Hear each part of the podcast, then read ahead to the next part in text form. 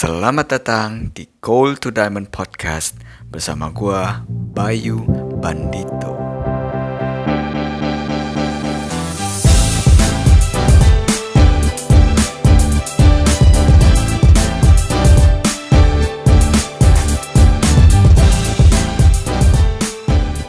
What's up guys, back at it again bersama gue Bayu Bandito di Gold to Diamond Podcast Hari ini kita bakal ngobrolin tentang tema pentingnya pilih-pilih temen Pilih-pilih temen Bukannya kita tuh harus berteman dengan siapa aja ya, tanpa pandang bulu. Seinget gue tapi Statement ini nih muncul dari situasi seperti misalnya si kaya mengucilkan si miskin. Dan dia nggak mau bergaul dengan orang-orang miskin dan maunya cuma bergaul dengan orang-orang kaya aja. Di kasus-kasus kayak gini, gue setuju 100% bahwa kita harus berbuat baik dengan siapa aja.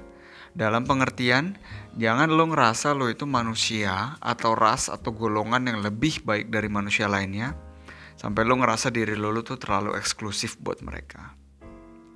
Tapi, hari ini gue bakal bahas tema pentingnya pilih-pilih temen dalam definisi dan konteks yang lain. Seperti biasa, kita mulai dengan contoh yang simple. Kita ambil contoh ngerokok.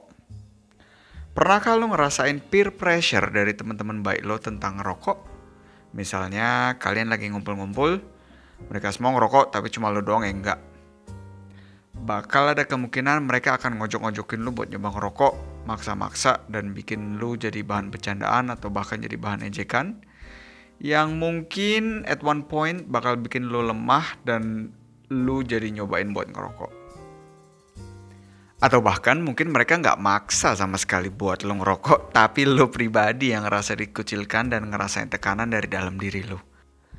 Apa pun situasinya, faktanya adalah satu, lu bakal make energi lo buat bilang enggak ke teman-teman lo yang nawarin lo rokok atau at least buat dengerin ejekan-ejekan dan candaan-candaan dari teman-teman lo tentang lo.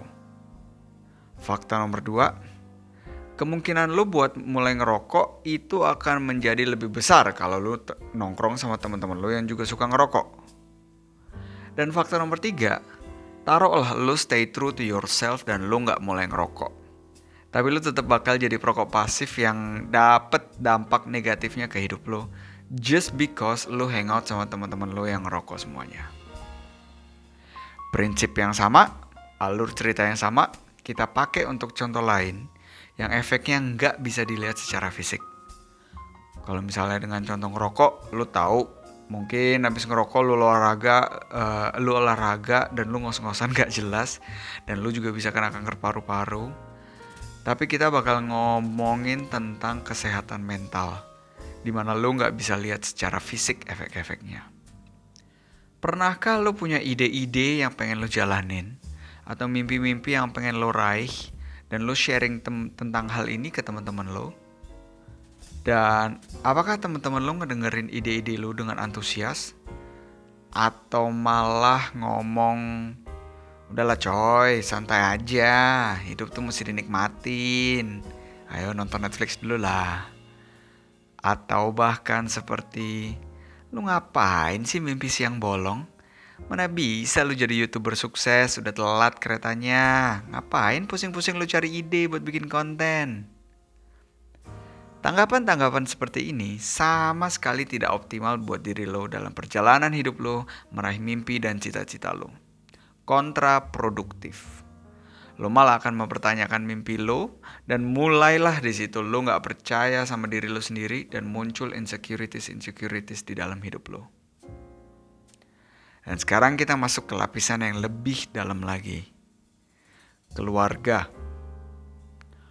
Mungkinkah ada anggota keluarga kita sendiri yang ternyata secara sadar atau nggak sadar menahan potensi kita untuk menjadi versi terbaik diri kita, dan bahkan menanam bibit insecurities di dalam hidup kita. Yap, sangat mungkin. Let's say lo pengen jadi pemusik. Hobi lo main gitar. Lo udah ngikut ngeles dari kecil dan mimpi lo tuh jadi pengen guru gitar dan nyebarin indahnya musik terutama ke anak-anak. Lu ceritain story ini ke bonyok lu, lu ceritain mimpi lu ke mereka dengan penuh antusias. Dan dengan antusias juga langsung ditangkis sama mereka. Bahkan sebelum lu bener-bener bisa jelasin alasannya kenapa lu pengen kuliah musik dan pengen jadi guru gitar. Alasan-alasan tangkisan mereka biasanya sangat rasional, seperti kamu mau makan apa kalau kerja jadi guru gitar? Mau digaji berapa? Udah, gitar dijadiin hobi aja. Sekarang belajar yang bener biar kamu bisa masuk kampus terbaik dan bisa jadi insinyur. Atau misalnya, iya, nanti mau jadi guru gitar juga boleh. Tapi sekarang kamu kuliah kedokteran dulu ya. Nanti kalau udah lulus, baru deh bisa lanjutin main gitar. Faktanya adalah mereka ngelihat hidup lu dari kacamata mereka aja. Dan terkadang gak memperdulikan apa yang sebenarnya bikin lo bahagia. Tapi dengan kenyataan seperti ini, apakah berarti bonyok lo itu orang jahat dan gak peduli sama anaknya? Jawabannya bermacam-macam dengan alasan yang bermacam-macam. Dua di antaranya adalah pertama, dari alasan hidup orang tua kita. Mungkin bokap lu dari dulu pengen jadi pemusik. Pernah coba jalanin jalan hidup itu, uh, give up everything buat coba jadi pemusik, gagal, dan dari situ dia berjanji ke dirinya sendiri buat anak-anaknya nggak harus sengsara nyobain jalan hidup jadi pemusik. Atau alasan kedua, orang tua lo tuh egois. Contohnya, bonyok lo udah berjuang keras selama hidup mereka, udah bangun uh, legacy untuk menjadi dokter ternama, dan mereka maksa lo buat kuliah kedokteran supaya image mereka terjaga di antara teman-teman dokter lainnya atau di mata anggota keluarga lainnya. So, sekarang kita udah urai dan sadarin bahwa bahkan closest circle kita yaitu keluarga dan sahabat-sahabat kita, pun ternyata mungkin menghabat kita untuk meraih mimpi dan cita-cita kita. Jadi, apa yang kita lakukan sekarang? Yang pertama, kita harus ngutamain diri kita sendiri. Lo yakinin diri lo bahwa emang kalau lo mau jadi guru gitar, lo bakal lakuin whatever it takes buat sampai ke situ. Kalau lo mau jadi youtuber terkenal, lo mau jadi youtuber sukses, reverse engineer tujuan lo dan pecahin goals gede lo itu jadi langkah-langkah kecil yang nyata. Nomor dua, adain komunikasi dengan sahabat-sahabat lo. Ajak bicara mereka tentang mimpi lo dan harapan lo mendapatkan support dari mereka. Di sini lo harus punya empati Adain pembicaraan ini bukan dengan tujuan mendapatkan approval dari mereka, tapi jadikan pembicaraan ini menjadi kesempatan lo buat bicara jujur sejujur-jujurnya sama mereka dan ke diri lo sendiri. Kalau emang mereka sahabat lo, pasti mereka ngertiin lo dan jalan pikiran lo.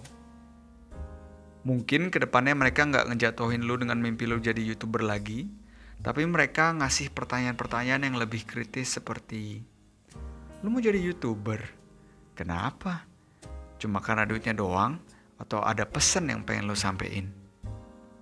Lu bener pengen bikin konten di YouTube? Itu ngambil waktu banyak banget lo. Lu tahu nggak efeknya kalau lu udah uh, masuk ke dunia internet uh, shitstorm kayak apa yang mungkin bisa lu dapetin? Dan pertanyaan-pertanyaan kritis lainnya. Yang nomor tiga, sama dengan orang tua dan keluarga juga.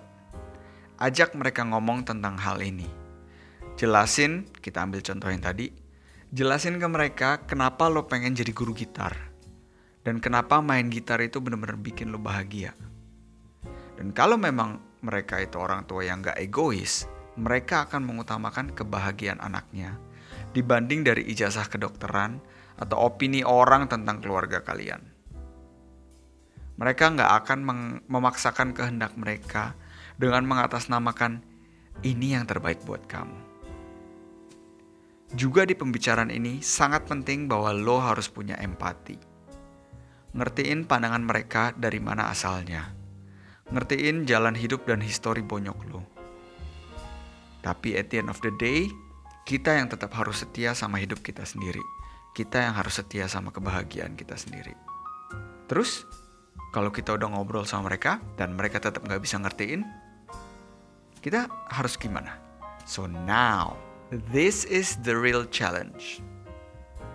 Yang pertama adalah ambil jarak dari orang-orang negatif di sekitar lo. Emang sangat sulit dan menyakitkan untuk ngilangin orang-orang negatif di dalam hidup kita. Karena mungkin itu berarti kita harus ambil jarak dengan teman-teman baik kita, sahabat-sahabat kita, atau bahkan juga anggota keluarga kita sendiri. Tapi ini adalah step yang sangat penting untuk diri kita sendiri. Langkah selanjutnya, kita harus cari input positif.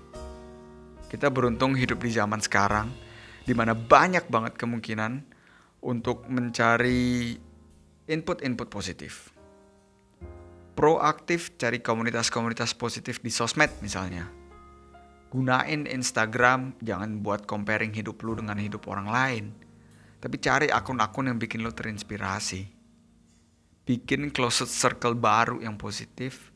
Cari orang-orang yang supportive akan mimpi lo dan lu juga harus supportive ke mereka dan bantu mereka dalam meraih mimpi-mimpi mereka.